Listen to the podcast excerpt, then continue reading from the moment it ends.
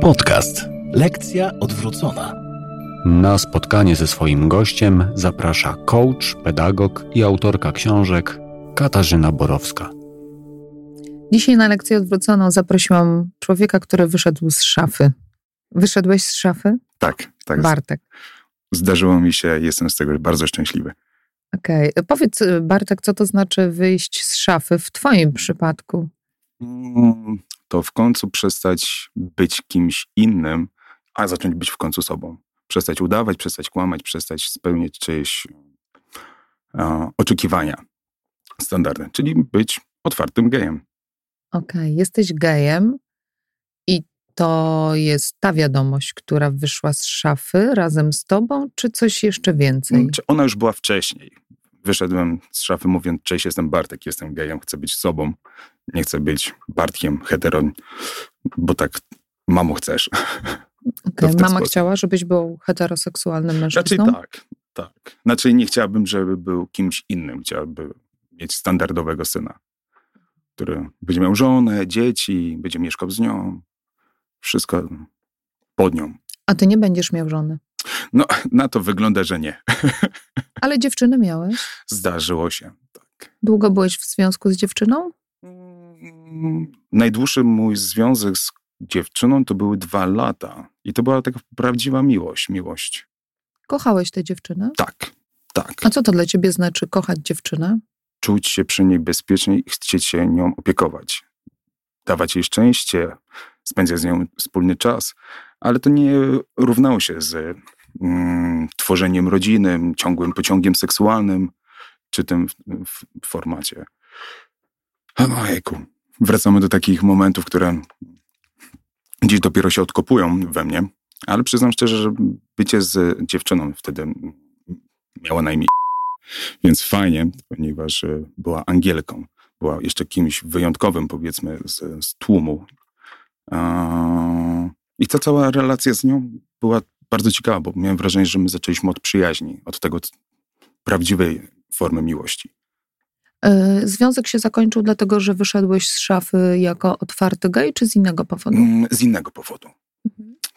Kiedy robiło się już coraz bardziej poważniej, kiedy jednak w związku no, było wyczuwane i ograniczenie seksualności między nami, zawsze. Ty ją ograniczałeś? Troszkę tak, to ja miałem wtedy migrenę, to ja byłem zmęczony, to ja wtedy nie mogłem. Ja byłem tym troszeczkę odpychającym, a tak naprawdę po prostu walczyło coś we mnie, że wiedziałem, że chyba jest coś nie tak, chyba, że ją okłamuję, że jesteśmy nie do końca szczęśliwi w tym aspekcie. No i doszły, doszedł taki moment, kiedy zaczęliśmy studia. Pojawili się nowi ludzie, częstsze wychodzenie troszeczkę w oddzielnych grupach, Wtedy doszło do takiego momentu, kiedy poszliśmy na różne imprezy i po jakimś czasie dowiedziałem się, że jestem zdradzony. No, to mnie nie zaskoczyło w ogóle, bo logiczne, miała swoje potrzeby. Nie Czyli do... zdradziła cię z innym tak, mężczyzną. Tak, tak, tak, tak. Czy, a to ty byś nie zerwał z nią? Chyba nie potrafiłem ją skrzywdzić. W sensie szczerze powiedzieć, jak wygląda prawda, bo sam chyba do końca jej też nie znałem. Podejrzewałem to, ale myślałem, że może po prostu to minie. Muszę, nie mam specjalnie dużego doświadczenia, to, to się jakoś rozkręci i będę tym heteromężczyzną, którego ona by chciała.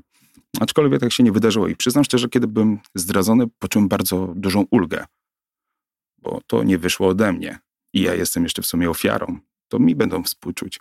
To było straszne, jak starałem się odwrócić całą tą sytuację jeszcze na swoją korzyść, kiedy wystarczyło powiedzieć, nie, to nie jest tak. Ty, jest, ty jesteś oszukiwana przeze mnie już dużo dłużej. No I w tym momencie powiedziałem, że jestem gejem. Wtedy, ale sobie powiedziałeś, jej, czy jej? Jej, jej. Tak pierwszy raz już to zmaterializowałem. I już wtedy poszło dużo lepiej, łatwiej. E, pamiętasz jej reakcję? Tak.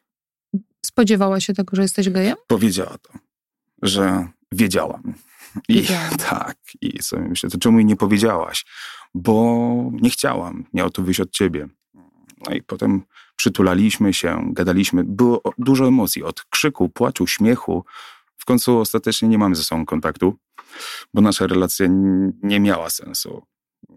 Przyjaźń była szczera, ale związek był już oszukiwany, więc te wszystkie interakcje później były takie oparte na, na, na, na, na czymś, co nie istniało. Więc potem tworzenie z tego jeszcze raz na nowo albo powracanie do relacji przyjacielskiej nie miało sensu dla nas. Bartek, czy to może było trochę tak, że ona chciała ciebie chronić i ci nie mówiła, że czuje, że jesteś gejem, a ty chciałeś ją chronić? Mhm. I nie mówiłeś jej, że jesteś gejem? Bardzo możliwe, bo w moim życiu wiele było komicznych sytuacji. To komiczne. Więc dwie osoby starały sobie pomóc, aczkolwiek. I nie zranić siebie. I się nie zranić. Od tego też wychodziłem. Generalnie moją zasadą jako dzieciaka było to, żeby nie sprawić, żeby kobieta płakała. Od, od tego A kto cię tego nauczył? mama. Widziałem, jak mama płacze i wtedy ja cierpiałem najbardziej. I fakt tego, żeby uniknąć, żeby kiedykolwiek kobieta płakała, starałem się zawsze uniknąć. Więc też nie wchodziłem często w związki z dziewczynami, mówiąc o tym, że nie chcę cię krzywdzić i tym podobnym, być małym romantykiem. Chciałbyś być takim tak, małym romantykiem. Tak, tak, tak. Do tej pory jestem romantykiem, co wielu nas nie, nie ma teraz w społeczeństwie. Czyli taki mały bohater. Mm, tak. Bohater tak, tak, dla tak. swojej mamy. Za takim małym rycerzykiem. Tak, tak, tak. tak. Okej. Okay. E, no ale jak wyszedłeś z szafy, to się mama dowiedziała. Pamiętasz te reakcje? Tak, ja pamiętam w ogóle cały ten... I płakała? Tak. Pamiętam cały w ogóle ten proces, bo to tak nie było z dnia na dzień, że dzisiaj uznałem, że powiem. To było przygotowywanie, to była praca nad sobą, wycza- wybadowanie, badanie terenu, e, dowiadywanie się, co o tym sądzi, oglądanie filmów gdzieś, gdzie pojawiał się motyw homoseksualny i pytanie, a mamo, a co byś zrobiła, gdyby? I co ona wtedy mówiła? Mówiła, że nie ma z tym problemu. To, że to, co oni sobie tam robią, to niech sobie robią. To nie jest, e, to nie jest jej jakby sprawa. I wtedy było takie, aha, okej, okay, to zobaczymy. I to nigdy nie wypowiadała się negatywnie, nigdy nie wypowiadała się jakoś agresywnie. Przez co nie czułem, że mogę za dużo stracić, ale bałem się zmiany, bałem się tego, co mogę zastać, bo nie byłem nigdy pewien. Więc tych prób było wiele, ale poza tym to też materiał, który oglądaliśmy, to też nie był jakiś wysokolotny, to były jakieś śmieszne, trudne sprawy, czy jakieś e, komedie romantyczne, czy coś w tym stylu. I trochę tak testowałeś mamę. Tak, tak, tak, tak, sprawdzałem ten teren. Też były takie momenty, kiedy... Mm, troszeczkę jakby prowokowałem. Pojawił się kolczyk w uchu, pojawiły się jakieś bandamka wokół szyi, czy jakieś... Kiedyś zrobiłem sobie pasemka. I niczego się nie domyślała, albo może się domyślała, tylko niestety mm, nic nie mówiła. I w tym momencie, kiedy to znowu trochę chciałeś, żeby ona się domyśliła i żeby ona nazwała. Tak, trochę tak jak w przypadku tak, Izabel. Tak, też mi się wydaje, że ja po prostu zrzucałem troszeczkę odpowiedzialność na kogoś innego, żeby to ty, to ty otwórz kartę i powiedz mi, jak to wygląda. Ja wtedy przytaknę albo nie. Ach, ciężko jest e, być gejem w takiej, jakby powiedzieć, małomiasteczkowej rodzinie, gdzie mama dużo pracuje, nie ma jej w domu, z ojcem się nie ma kontaktu, bo jest tylko łącznikiem z telewizorem, e, ma świadomość istnienia swojej rodziny, ale jej nie zna, więc generalnie biega się jak taki wolny elektron, szukając gdzieś porozumienia. Ty byłeś takim wolnym elektronem. Tak, tak, tak, tak. No i co? I mama się rozpłakała? Tak. Ale przyjęła cię z twoją tak, orientacją? Tak, tak, tak, tak. Na pierwszy rzut, na pierwszy moment płakaliśmy razem, mówiąc o tym. Cały moment przyznania też był bardzo specyficzny, bo to prze, poprzedzało długi czas niewidzenia się z mamą. Starałem unikać kontaktu. Jednocześnie, kiedy u mnie się działo źle, nie wiedząc o tym, czy mogę mamie cokolwiek powiedzieć, dystansowałem się do całej rodziny. Nie odbierałem telefonów, nie przyjeżdżałem, tu były jakieś święta, to przyjechałem tylko na chwilę, tu krępujące pytania, to unikałem w ogóle odpowiedzi na to. No i w tym momencie, kiedy już mama zaczęła mnie przyciskać, zrzucać, że nie ma ze mną kontaktu, że martwi się o mnie, co się ze mną dzieje, że ta Warszawa mnie zmienia, wszystko zrzucała po prostu na okoliczności jakieś poboczne. Ale nigdy nie zadała tego bezpośredniego pytania, czy to chodzi o moje życie prywatne, czy może a, pytanie o moją orientację. No i w tym momencie, kiedy już powiedziałem, że nie mogę wytrzymać, mamo, muszę coś ci powiedzieć, jest to dla mnie bardzo ciężkie, bo nie wiem, jak na to zareagujesz. I wtedy pamiętam, że ona po prostu powiedziała, powiedz to. I takie jedno po prostu powiedz. I pozwoliło mi powiedzieć, mamo, jestem gejem. I powiedziała wtedy, i co w tym złego? nic się nie zmienia. Chodź tutaj, no i wtedy mnie przytuliła. No płakałem jak, jak małe dziecko, jak te, takie małe dziecko właśnie siedzące bardzo długo w tej ciemnej szafie, nie wychodzące, tylko patrzące na świat przez ten a, zamek od klucza, widzące malutkie światełko i wtedy bum, duże światło. Mama zapaliła Tak, takie tak, duże Tak, światło. otworzyła tą szafę. A, to nawet mama otworzyła Tak, szafę. tak, tak, tak, tak. I było dużo łatwiej, no bo wyszedłem, no ale wtedy przestrzeń była większa. Wtedy też nie do końca wiesz, po czym chodzisz, gdzie jesteś. Chcesz zostać w tym pokoju, czy wyjść, czy uciec, czy co. Testu, testowałem się bardzo. Swoje, swo, swo, sw- mówię tutaj o bardziej o swobodzie bycia sobą. A właśnie, bo y, tak, tak długie uwięzienie, ile lat trwało twoje uwięzienie, potrafisz określić od momentu, kiedy sobie 20. uświadomiłeś, że jesteś gejem? Uświadomienie było powiedzmy takim późnym elemencie. To było około 20 roku życia, kiedy stwierdziłem tak, jestem na pewno. Wcześniej, Wcześniej już byłeś w szafie? a wcześniej wiedziałem, że wchodzę do niej i tam się czuję bezpieczniej, bo jako dziecko już podejrzewałem to, patrząc na swoje zainteresowania, wrażliwość. e, Z perspektywy dziecka to nie jest to nic dziwnego, bardziej jest dziwna reakcja, że ktoś tego nie akceptuje. A na przykład czego? Mm, że z młodszą siostrą bawiliśmy się lalkami. Lubiłem e, e, szyć ubranka, czesać im włosy, bawić się w rodzinę, jednocześnie układać klocki Lego, ale nigdy nie były to samochody. Nigdy to nie były narzędzia. Nigdy nie chciałem się bawić w męskie zabawy. Okej. I rozumiem, że to dla ciebie jako małego Bartka nie było niczym dziwnym, Nie, wtedy- ale reakcje środowiska, tak, że dlaczego on się nie bawi autkiem? Dokładnie tak. Narzucanie typu, mm, coś jest z nim nie tak. Czemu on się bawi lalkami? To przecież jest dla dziewczynek. No żyjąc teraz, aktualnie w dzisiejszych czasach, patrząc na dziecko, które bawi się lalkami, samochodzikami, czy w ogóle czymś innym, mm, nakładamy to, że okej, pełna wolność. Dziecko niech się bawi, aby się bawiło, a nie, żeby nie było smutno. Czyli od tych lalek i od szycia ubranek zaczęła się twoja szafa.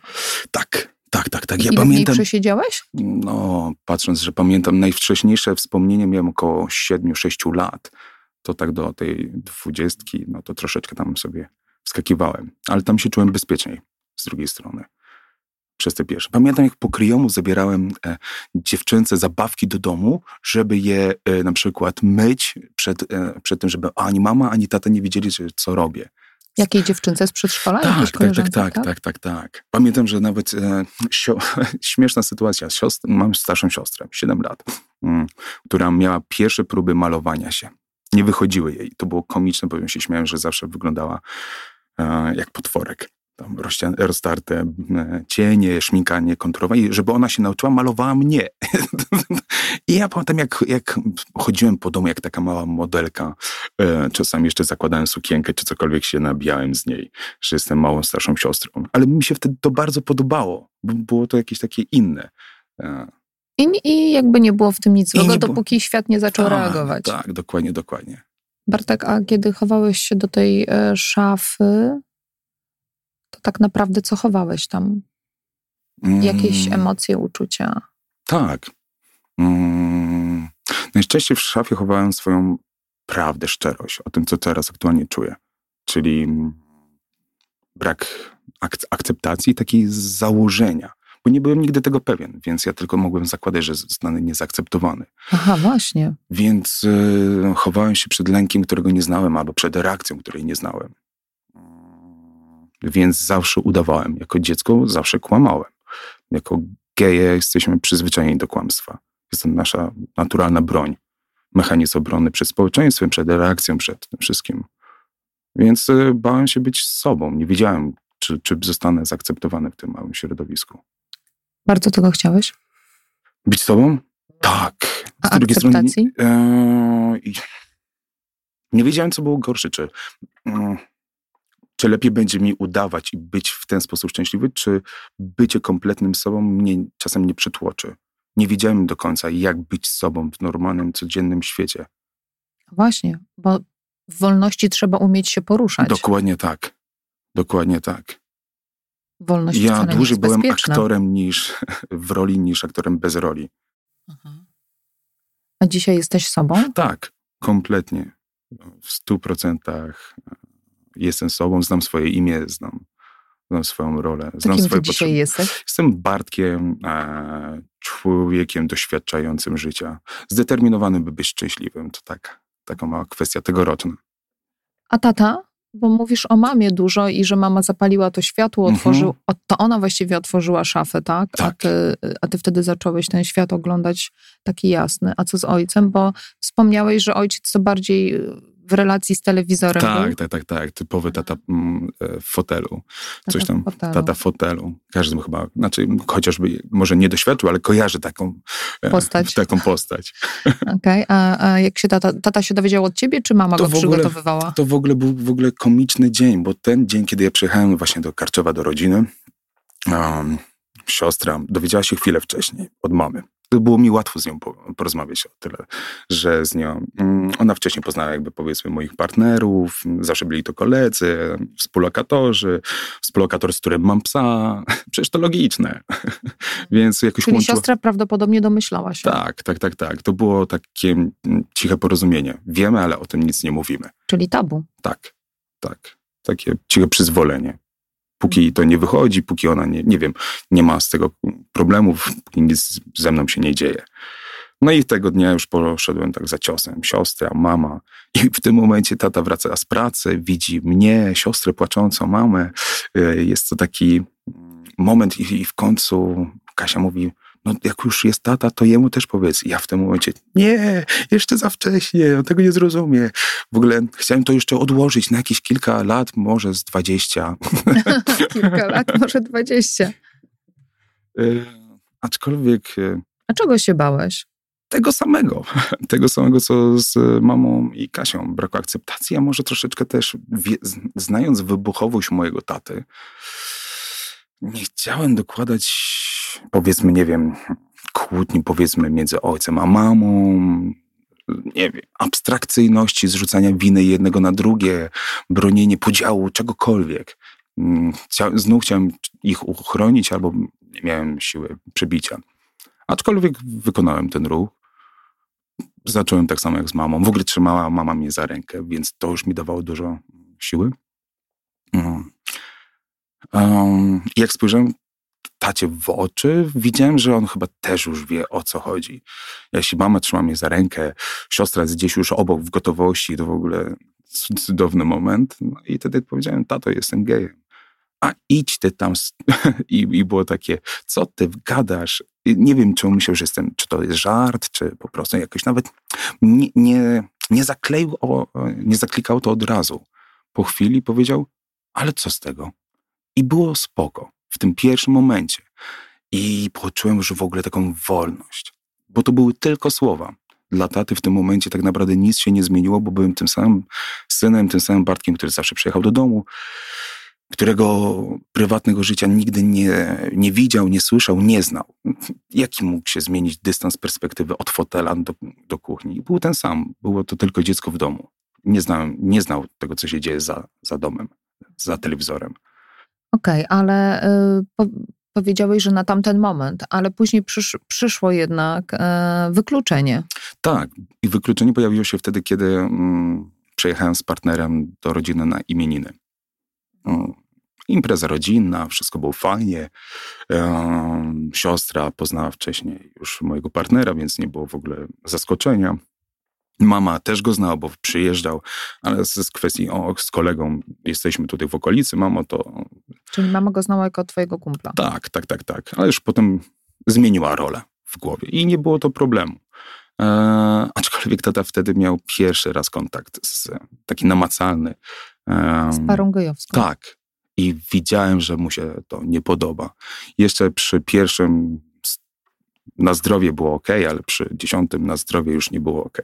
A jak to się, jak się pokazało, że nie okej? Mm, Komentarze, agresywny już ton, jakiś dziwny przytyk. Już było wyczuwać, znaczy, dało się wyczuć e, atmosferę w powietrzu, że może zaraz coś wybuchnąć. Coś, czyli awantura? Tak, tak, tak, tak. Zostałem wtedy wciągnięty przez, przez e, fortel mojego ojca, e, który powiedział, że moja mama zaczyna się źle czuć, że mógł zejść na dół. Mm, Wtedy, nie myśląc o tym czymś, zszedłem na dół, było zgaszone światło w domu i w tym momencie ojciec zaczął mnie bić. O, Tak, wtedy właśnie doszło do kompletnego wybuchu. Zacząłem, no byłem pobity, ale że jestem też już większej postury, wiedziałem o tym, że nie mogę oddać ojcu. nie Bo oddałeś ojcu? Nie, pacyfikowałem go. Z drugiej strony byłem nad, w tym momencie, kiedy zostałem uderzony, nie uderzył dorosłego Bartka, tylko uderzył dziecko. Tą, tą, Ty tak to odbierałeś? tak, tak, tak, tak. Tego, A wcześniej tata cię bił, jak byłeś chłopcem? Em, Zdarzyło się mm, no, dać karę poprzez klapsa, czy. Ale nie byłeś jakoś. Nie, nie em, byłem... regularnie Tak, bity. nie było to bardzo... przemoc domowa, nie było jakiejś agresji większej. Aczkolwiek tata jest alkoholikiem i przemoc się zdarzała. Czy to było... Tam, gdzie jest alkoholizm, tam zawsze jest przemoc. Tak, Ale tak. rozumiem, że nie był wyjątkowo brutalny wcześniej. Nie, nie, nie, nie. nie. A teraz zareagował brutalnie. Tak, i jeszcze oszukał i, i, i to podzieliło nas najbardziej. To był ostatni moment, kiedy byłem w Karczewie i w, kiedy ostatni raz w domu poczułem się bezpiecznie. E, Oszukał cię, bo zwabił cię Tak, na dół, tak, tak, tak, I tam cię pobił. Tak. Bardzo dotkliwie? Czy... Było to szarpnięcie, podrapania, podbite oko, ale nie było to jakichś większych obrażeń. Bardzo szybko go spacyfikowałem w postaci trzymania go. No, No i tak, no, krzyk- no tak, jesteś kawałek faceta. tak, tak, tak, tak. Mam też to po tacie, więc to była walka takich dwóch niedźwiedzi. Tylko, A. że jeden niedźwiedź cały czas czuł się niedźwiadkiem, Tak, tak, tak, tak, misiem. Misiem małym. A potem zlecieli się z góry, zobaczyli to zamieszanie, potem było rozdzielenie nas, ojciec już został w domu. A A dzisiaj jak jest w relacji z rodzicami? po dłuższej przerwie odbudowujemy relacje po, od lutego i przyznam szczerze, mm, po narzuceniu własnych zasad, własnych potrzeb, dopiero teraz zaczynamy budować naszą relację szczerą, prawdziwą, Korzystasz z jakiejś pomocy? psychoterapii. Tak, psychoterapia, farmakologia, bo też choruję na depresję. Chorujesz na depresję od jak dawna? Od pięciu lat. Od pięciu lat. A czy te wydarzenia i twoja depresja, to one się właśnie sprzęgły? Te wydarzenia z tatą? Tak, tak, tak. Ten początek depresji zaczął się jeszcze przed em, wyjściem z szafy. Takie początki, em, nagromadzenie w sobie lęku, strachu e, przed otwartością, przed tym, że nie mogę powiedzieć, pogłębiały depresję, pogłębiały ten stan, że dużo rzeczy wsadzałem do siebie, wsadzałem do tej sz- szuflady wstydu. I, i, I potem już jak się to otwierało, to były i dobre momenty, gorsze momenty, ale nadal było to bardzo duże natężenie stresu, ciężkich myśli, samotności. To tak naprawdę to były te główne momenty. A rozstanie się potem z relacji z rodziną um, i odcięcie się od nich na około prawie trzech lat e, sprawiło to, że jednocześnie byłem kompletnie sobą szczęśliwym człowiekiem, ale byłem samotnym, bo bez rodziny, tej, tej, e, Pierwotnej. tej pierwotnej. Okej, czyli rozumiem, że tak, byłeś szczęśliwy tu, w swoim środowisku rówieśniczym, nazwijmy to, tak? Natomiast y, ogromna samotność z tego powodu, że niemożność kontaktu z najbliższymi. tak. A mama i siostra też od ciebie się odcięły? Czy, czy ty też się od nich odciąłeś? Czy jak to było? No bo mama mieszka z tatą. Tak, i w sumie z siostrą mieszkają na tym samym podwórku. I to poszło za jednym ciosem. To była jakaś jedna, jedna kłótnia albo tak, jeden argument za dużo i powiedziałem, że jeśli to ma tak wyglądać, to ja nie chcę z nimi relacji, ponieważ to było zbyt duże obciążenie. Świadomości tego, że e, próba akceptacji, bo to nawet nie była w pełni akceptacja. Pamiętam pewne zdanie, które wypowiedziała moja siostra na początku, mm, po całym coming po, po dwóch miesiącach było jej wesele. I na to wesele oczywiście nie wiedziałem, czy mam pójść, czy nie. Byłem świadkiem. To było wydarzenie po napaści ojca, więc też był ten problem. Byłem nadal w związku. Z mężczyzną. Tak, więc nie wiedziałem, czy na te wesele mam pójść, czy z partnerem, czy bez. I pamiętam, jak siostra spytała się mnie, czy mogę pójść na to wesele z przyjaciółką. A, bo nie chcę kłótni, a, jeśli przyjdę z partnerem. Nie chcę, żeby ojciec się denerwował. I to już po, pozwoliło mi zauważyć, że siostra każe mi wybierać, a nie sama podejmuje decyzję. Kogo chcę wesprzeć, czy nie wesprzeć. Bo Znowu taki... na chwilę musiałeś wskoczyć do szafy. Tak, tak, tak, tak, tak. I to był taki jeden z tych momentów, którego najbardziej żałuję, że po wyjściu i uwolnieniu znów wsadziłem się w, do szafy, bo, bo zrobiłem to, co ona by chciała. Poszedłem na to wesele sam. Ja w ogóle poszedłem na to wesele. Tam... Ale nie wziąłeś żadnej dziewczyny, nie, nie wziąłem ani przyjaciółki, ani partnera. Poszedłem sam, byłem świadkiem, bawiłem się dobrze, unikałem interakcji z ojcem, bo nie rozmawialiśmy w ogóle ze sobą, ale nadal konfrontacja z nim w tym samym miejscu była na tyle obciążająca, że potem odchorowywałem takie wydarzenia. I żałujesz tego, że, że, że... wtedy się ugiąłeś? Tak, tak. Wolałbyś nie być świadkiem na Wolałbym ślubie w ogóle nie pójść na to wesele. Tak. I co ona ci wtedy powiedziała? Że ona jest jeszcze na takim e, etapie, że mnie akceptuje, ale nie do końca toleruje. Tak wykluczające się zdanie bardzo mnie zabolało. Wiedząc o tym, że daje, próbuje dać mi wsparcie, ale kompletnie tego nie rozumie. Jeśli ktoś mówi, że tak, akceptuje cię, ale nie zagłębia się w temat, nie próbuje zrozumieć drugiej osoby i tylko zostawia to pojęcie sobie jako, jako tylko pojęcie w powietrzu, to tak naprawdę nic nie daje. Nie myślisz o tym, że się wstydziła? Pewnie też. Pewnie, pewnie też co klasyczny argument, co powiedzą sąsiedzi, co powiedzą znajomi, co powie rodzina. Aczkolwiek po zaskoczeniu, po wielu latach widzę, że mogliby powiedzieć, że masz super brata, całkiem zabawny, jaki przystojny, cokolwiek. Okej, okay, ale, ale rozumiem, że Kasia bała się tego, że, że, że słowa krytyki padną, a, a to jest jej dzień, tak? Jej, ślub. Bartku, chciałam cię jeszcze, zaraz, y, bo coś mi teraz właśnie umknęło. A, ty jesteś y, wujkiem. Tak, tak, tak. E, tak. I twoi siostrzeńcy wiedzą, że tak. jesteś wujkiem gejem? Tak. Jak się z tym mają? Super. Szpanują wujkiem gejem? Szpanują to duże słowo, ale na pewno są y, dumni. Bo wiesz, często, często jest tak, że dzieciaki mówią, jejku, mamo, na przykład ja mm. mam tak, mamo, jak fajnie, że ty masz kolegów gejów, nie? Ja też bym chciała. -hmm. Moja córa ostatnio powiedziała, mamo, to ja miałam takie marzenie, żeby zaprzyjaźnić się z gejem, a ty masz e, takich przyjaciół. Każda dziewczyna powinna mieć chociaż, znaczy, wychodząc już globalnie, to każdy człowiek powinien mieć przyjaciela geja. Po pierwsze, żeby ocieplić wizerunek, zrozumieć całą e, brak różnicy, a posiadanie powiedzmy jeszcze w rodzinie z tym relacji wujek, siostrzenica jest o tyle ciekawe, że widzę jej perspektywę poznawania swojego świata poprzez to, jakie zadania zadaje mi pytania, których nie zadaje rodzicom. Mm, wie o mojej, powiedzmy, wrażliwości. Poza tym, jeśli potencjalnie byłaby zainteresowana e, chłopcami, no to jestem w stanie jej niektórych rzeczy doradzić. A że przez wiele lat e, e, oszukiwałem. oszukiwałem, to też wiem, jak podejść do kwestii męsko-damskich. Więc fajnie jest mieć powiedzmy młodą osobę z wyzwolonym umysłem już na tym etapie świadomości, że takie e, formy istnieją. Współ... Że są ludzie, tak, którzy są z nami homoseksualni. I nie jest to nic złego. I to z perspektywy dziecka. Czasami jest tak, że unikamy trudnych, ciężkich tematów przed dzieckiem, żeby nie zepsuć albo nie, nie zepsuć właśnie myślenia.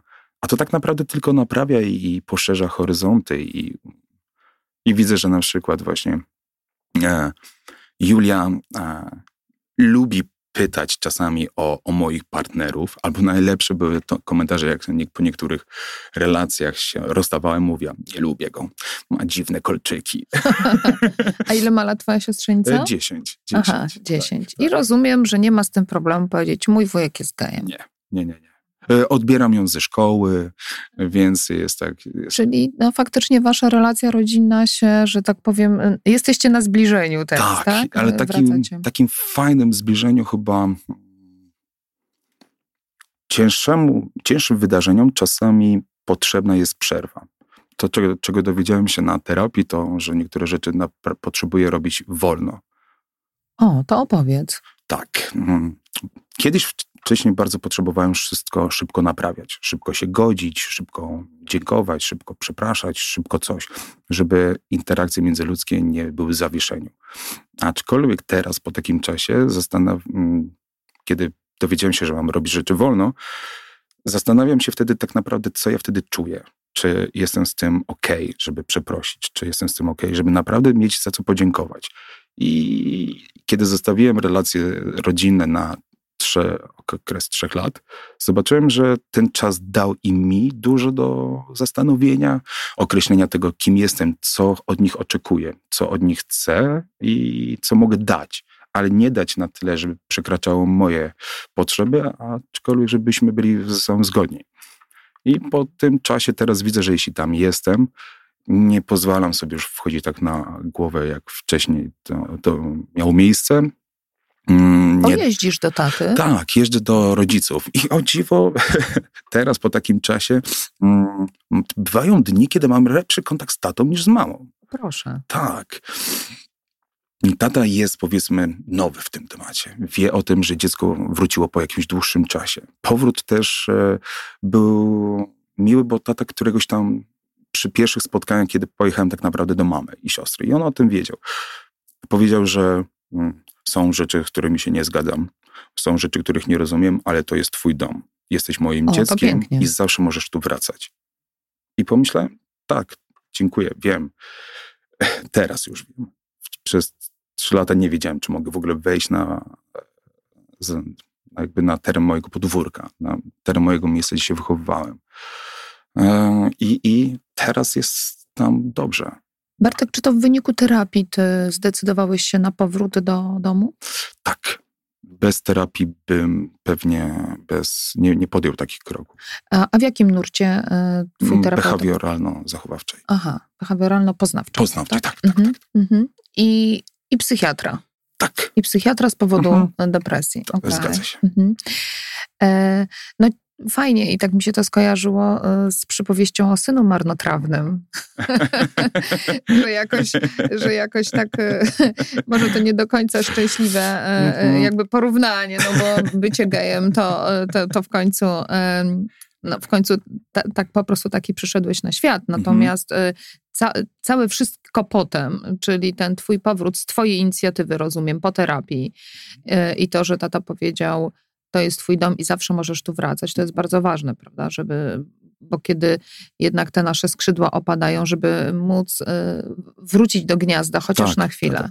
Czuć, że ma się zielone światło. To, to jest ten element.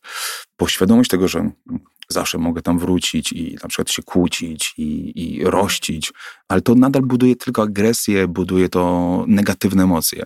Po tym czasie bardzo staram się nie kreować coś, co by źle na mnie działało, nie, nie, nie walczyć na siłę o coś, czego, coś, co mi nic nie daje. Bo w momencie, kiedy nie ma się najbliższej tej rodziny, tej, tej z najbliższego kręgu, poczułem się bardzo samotny. Aczkolwiek nie byłem samotny bo, bez rodziny, bo jest jeszcze taki element, kiedy reszta rodziny, kuzynstwo, ciotki, wujkowie dowiedzieli się o tej sytuacji i dali mi bardzo dużo ciepła, dużo zrozumienia. Dalsza rodzina. Tak. Był moment, że przez mm, pierwsze Boże, Boże Narodzenie lub Wielkanoc, czyli powiedzmy ten pierwszy rok, kiedy pojawiały się święta, spędzałem je sam w domu. Nikomu o tym nie mówiłem. Przyjaciołom naj, najbliższym zawsze mówiłem, że do kogoś jadę, tylko żeby nie generować e, u nich poczucia współczucia albo na siebie, żeby mnie gdzieś zabierali, bo nie chciałem tego. Mm, przyznam szczerze, że nawet było to przyjemne. Czułem się trochę jak Kevin sam w domu. Dużo jedzenia, chipsy, zabawa, ale to było fajne przez pierwsze dwie godziny, potem już był smutek i, i, i tworzenie poczucia winy w sobie samemu. Dlaczego tak to wszystko musi wyglądać? Dostałem zaproszenie od kuzyństwa na święta bo sobie nie wyobrażają, żebym był sam w domu. Nawet przyjechali po mnie, żebym tylko nie wywinął, tak, tak, żebym tylko nie uciekł. Więc to było tyle fajne. Mm, I te święta zobaczyłem, że można spędzić naprawdę bardzo przyjemnie. Może bez taty i mamy i siostry, aczkolwiek nadal z bliskimi ludźmi, mm, z członkami rodziny. Ale wiesz, że nie wszyscy mają takiego farta. Tak, wiem. Są takie rodziny, gdzie rodzina y, albo się nie chce wtrącać, nie, nie będzie się wypowiadała, albo może mogłaby stanąć po stronie taty, czyli wykluczamy go, bo jest synem marnotrawnym. E, I wtedy myślę, że byłoby trudniej i jest wiele takich osób. Mam świadomość tego, że mam dużo szczęścia w tym wszystkim, że dużo wsparcia, to, o które nawet nie do końca prosiłem. Też nie afiszowałem się z, z tą całą sytuacją. Nikt nie opowiadał, jak to wyglądało tam, tamtego wieczoru, co się u nas wydarzyło. Wiedzieli, że nie mamy ze sobą kontaktu. Wiedzieli, że coś tam się dzieje. Aczkolwiek dopiero kiedy wychodziły już konkretne tematy i moja historia. Bo tamtego powiedzmy wieczoru nigdy nie zaprzeczyłem, nigdy nie skłamałem, nigdy O na właśnie. pytanie, czy jestem gejem, nie, nie uniknąłem tego. A w ogóle starasz się już w życiu nie kłamać? No tak, chociaż Trudno? to jest bardzo ciężkie. Bo powiedziałeś, że my geje kłamiemy Na bieżąco.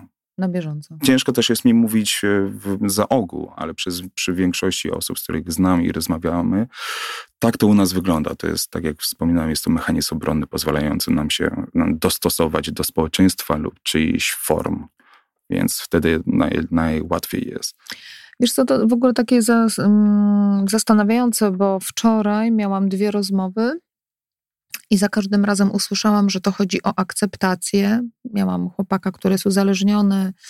Rozmawiałam z Natalią Niemel. Ona też o swoich e, przejściach życiowych opowiadała i o tym, jak wdepnęła w sektę z uwagi na to, że cały czas szukała akceptacji. Ty dzisiaj mówisz o tej szafie i, i o notorycznych kłamstwach, bo znowu szuka, szukałeś też tej akceptacji, tej Dokładnie. przynależności do grupy. I tak sobie teraz myślę, że y, no faktycznie to, to jakby, y, jak bardzo boimy się być wykluczeni, jakie to Mhm. jest. e, Boimy się być samotni w tym Mhm. wszystkim. Boimy się być sobą i próbujemy na siłę spełnić czyjeś oczekiwania, dostosować się, nawet wymyślić czyjeś oczekiwania, których nawet do końca nie jesteś, nie znamy, tylko po to, żeby coś spełnić. Bo nie wiedziałem o tym, że nie zostanę przyjęty. Patrzymy na siebie o wiele negatywniej. Czemu nie wychodzimy z założenia, że będąc sobą od razu będziemy zaakceptowani, że będzie wszystko łatwo? A, tak, Utrudniamy sobie to już z początku. my ludzie, Tak, bo zakładamy, że mnie takiego nie przyjmą. dokładnie A tak. ty sam siebie już akceptujesz. Tak, tak, tak. Długo ci to zajęło? Mm, To jest nadal proces. To są lepsze i gorsze momenty, ale lubię być sobą. I to jest pierwszy rok, kiedy powiedziałem, że jestem zdeterminowany, by być szczęśliwy. A tak. I dzieje się to od 17 stycznia tamtego dnia. Rozstałem się, wyprowadziłem, zmieniłem pracę, zmieniłem troszeczkę perspektywę na życie. I to jest ten moment, kiedy widzę, że warto dać sobie czas w życiu, żeby kochać siebie. O, to piękne. W ogóle ty dzisiaj sporo mówisz właśnie o tym czasie, że ty żyjesz wolniej, że podejmujesz decyzje wolniej i to jest trochę, znowu, no nie wiem, co tak mi dzisiaj biblijnie, a tak sobie pomyślałam o pustyni, nie? Że jakby, że, że to jest taka nasza pustynia, Mhm. gdzie mamy te okazje pobyć sami ze sobą i siebie poznać. Mhm. I ty miałeś te trzy lata, prawda? Tak. I rozumiem, tak. że i to też jest ważne, dlatego to jakoś chcę podkreślić i sprawdzić, czy ja do, dobrze rozumiem Mhm. to, co próbujesz przekazać, że kiedy się też nie spieszysz y, z podziękowaniem komuś Mhm. albo z dążeniem do zgody, to też jest ten moment, kiedy ty wtedy jesteś bliżej siebie i zastanawiasz się, czy ja Co- na pewno chcę przeprosić, czy ja na, Co ja naprawdę czuję. co ja naprawdę czuję. Mhm. Tak, tak, tak, tak. Y, powiedz mi, Bartek, y, tak, to jeszcze na chwilkę, mm, bo chcę cię teraz właśnie zapytać o te uczucia. Ty masz 30 ile? Jeden lat. 31 lat. No to młody facet. Gdybyś tak miał te 31 lat zebrać, e, jakie uczucie najczęściej ci w życiu towarzyszyło? Strach. Strach? Tak. Strach przed? przed wszystkim. On nie ma ograniczeń. Strach przed byciem sobą, począwszy, strach przed e, zawiedzeniem, przed utratą relacji. Nawet teraz bywa często strach przed byciem szczęśliwym, do czego O, mm, e, może mało kto o tym mówi. Jesteśmy przyzwyczajeni, ba, by bać się przed czymś, co jest złym, naturalnie. Ale przy osobie, która miała serię wydarzeń, które powiedzmy były ciężkie, ekstremalnie e, wycieńczające, stresujące i nadchodzi ten moment spokoju, on też przytłacza. On, jego też się boimy. Znaczy boję. Ty się boisz. Tak. Był taki moment, kiedy właśnie wszystko się zmieniło na początku tego roku i siadłem w domu, mając fajną pracę, mieszkanie, bo cudownych wcześniej miałeś pożar mieszkania. Tak, tak, tak, tak. Bo Miałem pożar, e, wyrzucenie z pracy, e, pogłębienie się depresji, więc to był spadek emocjonalny, energetyczny. brak- Taki sztorm. Tak, kompletna lawina wydarzeń, które mogły przytłoczyć. I to zrobiło. I małymi kroczkami bycia w związku. Jeszcze wtedy tak naprawdę to była taka relacja uzależnieniowa. Uzależniliśmy się od potrzeby e, emocjonalnej. Ktoś mi dawał wsparcie, przytulenie, ale z drugiej strony bardzo osaczał Ja jednocześnie próbując stać na nogi, nie potrafiłem robić nic dla siebie, ponieważ już miałem tą osobę, która mi dawała ciepło, ale nie, nie było to moje ciepło. I, i tak potem, mm, po tym jeszcze rozstaniu, był ten moment właśnie, wracając już do tego domu i, i czucia, czucia się bardzo spokojnie i dobrze, poczułem, że może zaraz coś się wydarzyć złego. Aha, czyli wystraszyłeś się szczęścia tak, i spokoju. Tak, bo jestem do niego nieprzyzwyczajony. A przyzwyczajony jesteś do? Mm, ciężkich sytuacji. Mogę ci świetnie pomóc podczas e, pożaru, przeprowadzki, kłótni, awantur, mediacje, negocjacje. No tak, to, jako dziecko alkoholika tak, jesteś w ogóle przyzwyczajony tak, do tak. takich Opie, dosyć... Opiekowania się kimś, e, przejmowania roli e, dorosłego w, w, będąc dzieckiem. Więc gdzieś mniej więcej te mechanizmy są na wysokim poziomie. Ale życie w spokoju, stagnacji, bez bez problemów jest czymś nowym. Uczę się tego, że to też jest proces, to też jest jakiś tam etap, do którego a, dążę. Dlatego ta determinacja, by być szczęśliwym i się tego nie bać, o, to może jest w, tym, w tej formie, w mhm, pełni. Mm -hmm. Żeby nie bać się. Tak. Pozwolić się być szczęśliwym. I kochać siebie. Tak, tak, tak, tak. Ale być szczęśliwym od siebie. Nie, że ktoś daje mi szczęście, że ktoś mi daje spokój, daje mi bezpieczeństwo. Ja chcę dać to sobie samemu. Dużo masz tych doświadczeń, bo tak, e, i, to, i ta orientacja seksualna, która e, jakby z automatu przynajmniej na jakiś czas cię wykluczyła, i to, że jesteś DDA. Tak. E, depresja. Rozumiem, że to jest wszystko ze sobą powiązane, mhm. a z drugiej strony powiedz mi, co, co z tego wszystkiego dla ciebie było, bądź jest najcięższe w wychodzeniu? Najcięższe? Hmm podejmowanie tych decyzji, które mm, sprawiają to, że jestem szczęśliwy, ale wiem, że mogą kogoś unieszczęśliwić. Odcinanie się od pewnych relacji, mocne zaznaczanie swoich potrzeb, które. Czyli stawianie granic tak, tak, i stawianie siebie na pierwszym dokładnie miejscu. Tak, dokładnie Czyli cały tak. czas masz coś takiego, że jak zadbam o siebie, to może będzie komuś przykro. Dokładnie, dokładnie. I taki konflikt wewnętrzny wtedy jest. Tak, tak? te dwa wilki, co się mówi. Dwa wilki w tobie tak. wtedy walczą. Tak. Okay. No ja ci życzę, żeby w ogóle, wiesz, ten wilk e, biały. Tak, tak, tak, tak. E, żebyś jego karmił i żeby, żeby się rozrastał. E, posłuchaj Bartek, e, ponieważ to jest lekcja odwrócona, mhm. to teraz ma, jest taki moment, że tam ty mi możesz zadać dowolne pytanie. Mhm. Nie wiedziałeś o tym, bo, nigdy, nie. bo ja o tym nie mówię. Ojejku. Hmm. Czy byłoby coś, czego bałabyś się, gdyby twoje dziecko okazało się homoseksualne? Wiesz co, dobre pytanie. E, ja mam trójkę dzieci mhm. i kiedy moja córka była w liceum, miałam takie myśli, że może właśnie coś mhm. jest nie tak. Oczywiście to były tylko moje jakieś tam matczyne spekulacje. takie spekulacje y, i ona to obśmiała bardzo szybko, ale miałam tak. Już później przy młodszych dzieciach jakoś tak, y, no teraz mam, znasz moją córkę nastola, tak. nastolatkę, nawet się nad tym nie zastanawiam, ale wtedy po raz pierwszy miałam nastolatkę w domu mm -hmm. i, i tak, i miałam takie, no i, i to nie jest łatwe właśnie. Fajnie, gdyby na przykład każdy rodzic kiedyś w pierwszym, przy pierwszym dziecku albo przy którymś zadało sobie to pytanie, a gdyby było, co wtedy, kiedyby moje dziecko było homoseksualne? Po prostu, nawet pomyślało o tym. E, Bartek, e, chciałabym, żebyś też powiedział dla słuchaczy, właśnie, może jakieś masz takie drobne wskazówki albo coś, co chciałbyś, żeby i osoby, które są w tym miejscu, w którym ty byłeś jeszcze 3 czy 4 lata temu, które siedzą w swojej szafie, ale też i rodzice, żeby usłyszeli, że może jest coś, co ty podpowiesz i będzie komuś łatwiej. Mm, takim kluczowym dla mnie momentem albo czynnikiem, który dawał mi najwięcej siły, byli wtedy przyjaciele. Mm, rodzina rodziną to jest coś, co my dostajemy, a przyjaciele to coś, co my wybieramy. I społeczeństwo gejowskie, które trzyma się i się wspiera, jest mocne i, i przyjaciele dają bardzo dużo energii. E, czasami odbijają to, co nas najbardziej przy, przytłacza, podnoszą nas z tych największych dołków. I najważniejsze jest to, żeby po prostu walczyć, próbować i być sobą nawet tymi krótkimi momentami.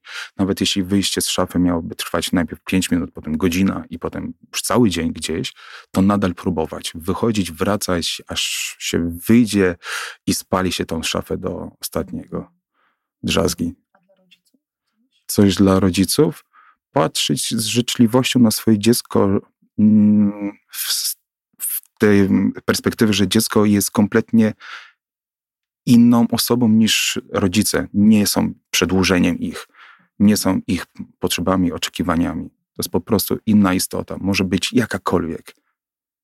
I żeby akceptować to. Powiedziałeś teraz coś bardzo pięknego, co ja podsumuję tak. E, ja tak postrzegam teraz dzieci, ale oczywiście to nie jest mój pomysł, bo też ktoś mi kiedyś powiedział, że ja jako rodzic, ja to tak bynajmniej czuję, jestem wdzięczna, że ta dusza, która się wcieliła, mhm.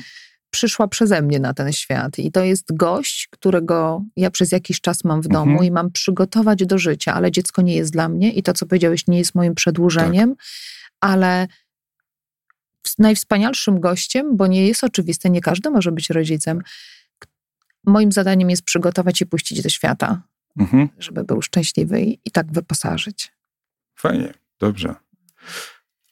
Dziękuję Ci, Bartek. Dziękuję bardzo. Dziękuję za piękną rozmowę. Do usłyszenia z Państwem, a do zobaczenia z Tobą. E, prawie codziennie się widujemy, więc na pewno Będę niebawem. Czekać. Dziękuję, do widzenia. Do widzenia. Lekcja odwrócona. Przypominam, że możecie pisać do mnie, dzielić się swoimi historiami, inspiracjami, wysyłając mail pod adres podcast.lekcjaodwrócona.gmail.com